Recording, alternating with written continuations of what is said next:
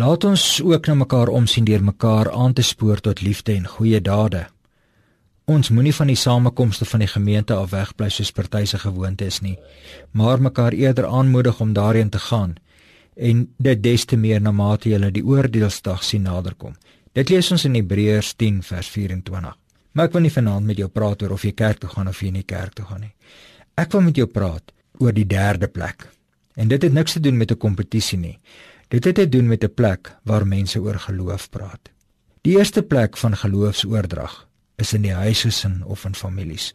Die tweede plek is die kerk of die skool en die derde plek is die plek waar ek en jy ontspan en kuier. Hierdie derde plek word al meer die plek waar geloofsoordrag makliker plaasvind.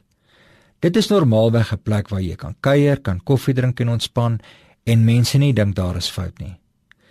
Dit is in die openbaar en is nie vir mense bedreigend om te gesels, te kuier of probleme te deel en selfs om oor die evangelie te praat nie.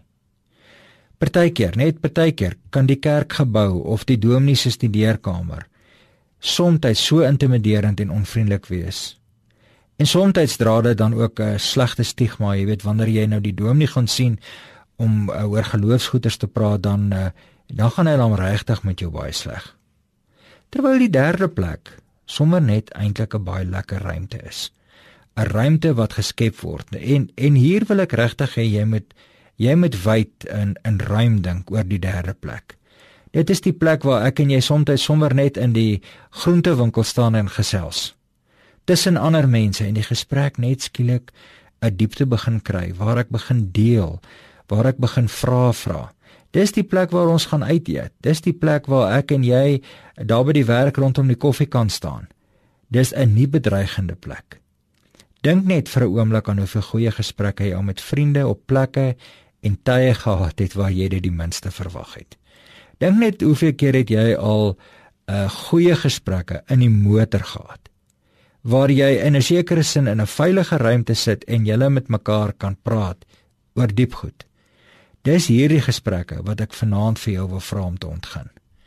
Hierdie gesprekke wat ons ontgin om ons vriende te help vrede kry, om ons vriende te help om rustigheid, om rustig te raak en weet jy self vir jouself om die Here weer te ontmoet. Die derde plek is 'n plek, maar dit kan ook 'n persoon wees. Kyk na die karaktertrekke van die derde plek. Is jy iemand by wie mense rustig kan raak en gemaklik kan gesels? Die derde plek is met ander woorde jouself ook is jy gemaklik. Skep jy ruimtes, gemaklike ruimtes vir mense om enige tyd ook met jou oor die diepere vrae van die lewe te praat.